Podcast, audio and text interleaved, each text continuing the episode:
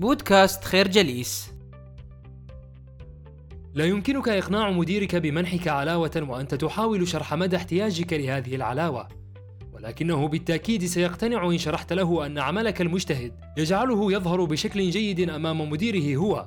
وبالتالي ستستحقان أن تمال اثنين علاوة. بمعنى آخر كلما جعلت مصلحة الآخر في اعتبارك أولا أثناء الحديث ستجده أكثر انفتاحا وقبولا لتنفيذ ما تطمح إليه أنت. ومن هنا ولتنفيذ ذلك الهدف الذكي في التأثير على الآخرين وتبادل المنفعة في أي نوع من المعاملات. هنالك عدة مبادئ تساعدك وتجعلك خبيرا في العلاقات. أهمها أن تتحكم جيدا في انفعالاتك لأن التحكم في ردود أفعالك قد يحول أي موقف سيء إلى موقف هادئ وإيجابي ويحول الخصم إلى حليف. فعلى سبيل المثال إن اتصل بك عميل يصرخ في الهاتف عن سوء منتجك ويعتدي بوابل من الألفاظ السيئة فأمامك تصرف من اثنين؟ الأول أن تقاطعه أنت بصراخ ويتحول الموقف إلى عداء أو أن تهدئ وتتحكم في رد فعلك وتصمت ثم تستمع إليه جيدا ثم تجيب بكل بساطة. ربما أكون مدينا لك بالاعتذار ماذا أستطيع أن أقدم لك؟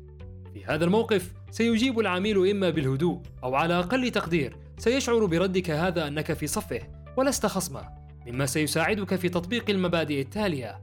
أما لو اخترت طريق الانفعال فأنت الخاسر من البداية. يمكنك التدرب على مختلف المواجهات في عقلك لتكون مستعدا لمواجهتها بهدوء وضبط النفس. الفكرة الأولى التحكم في الانفعالات أولى الطرق لتوفير بيئة جيدة لتبادل المنفعة. يقول جورج برناتشو إن المشكلة الأكبر في التواصل هي توهم وجودها. وقد لخص بذلك واحدة من أهم المشاكل الاجتماعية التي تحدث يوميا معنا جميعا. ألا وهو اختلاف منظور البشر للحياة بسبب اختلاف منظومة معتقداتهم. والمعتقدات هي جميع الخبرات والمعرفة المكتسبة منذ الصغر التي تشكل طريقة فهمنا وتعاملنا مع الحياة. ولأن لكل إنسان طريقة مختلفة في التربية والدراسة. لذلك لن تجد اثنين يفهمان جميع الأمور بنفس الطريقة بالضبط.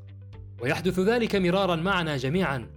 خلافات بين أفراد الأسرة الواحدة أو زملاء العمل نتيجة شيء قيل اعتقد أحدهم بأن قائله قصد به إهانة وبعد سوء فهم كبير للموقف تتضح الحقيقة وتصفى النفوس وعندما تواجه خلافا مع أي شخص عليك أن تسأل نفسك الأسئلة التالية ما سبب سوء الفهم في الخلاف؟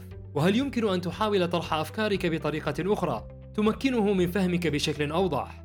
على سبيل المثال قد تعتقد بأن منزلك قريب من البحر ويعتقد الآخر بأنه بعيد وهذا مجرد اختلاف في المنظور ليس إلا وإنما المسافة بين المنزل والبحر ثابتة ولا تتغير وعند طرحها بالأرقام تصبح معرفتك ومعرفته عن مدى قرب المنزل من البحر ثابتة وصحيحة بجانب الالتزام بضبط النفس والهدوء ومع تلك الأسئلة ستتمكن من حل أي خلاف ناتج عن سوء فهم بسيط.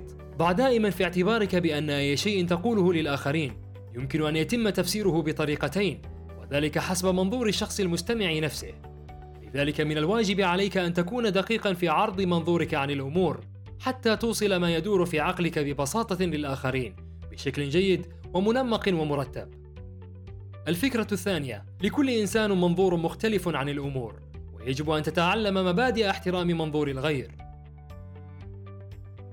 ولأجل فهم كامل بمنظور الآخر، يجب مراعاة الأنانية الخاصة بهم، ودائما ما نذكر الأنانية في إطار سلبي على الرغم من أنها السبب الحقيقي خلف كل النجاحات والاختراعات التي حققت على مدار التاريخ.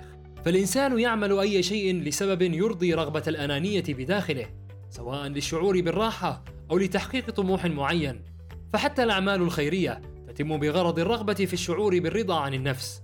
وبالتالي كلما وضعت الأنانية بالشخص الآخر في اعتبارك تمكنت من إقناعه والتأثير فيه بشكل أقوى. لأن بعلاقته بك تتحقق الأنا الخاصة به. ولا يعني ذلك أنه عليك التقليل من الأنا الخاصة بك بل تحقيق الأنا الخاصة بكما معا. وهو ما يؤهلك لوضع الإطار الصحيح للمعاملات بينكما. الأمر أشبه بالتعامل مع طفل صغير وقع على الأرض. فإن قام أبواه بالضحك سيضحك الطفل وينسى أمر الصدمة. وإن أظهرا مشاعر الخوف سيصرخ الطفل.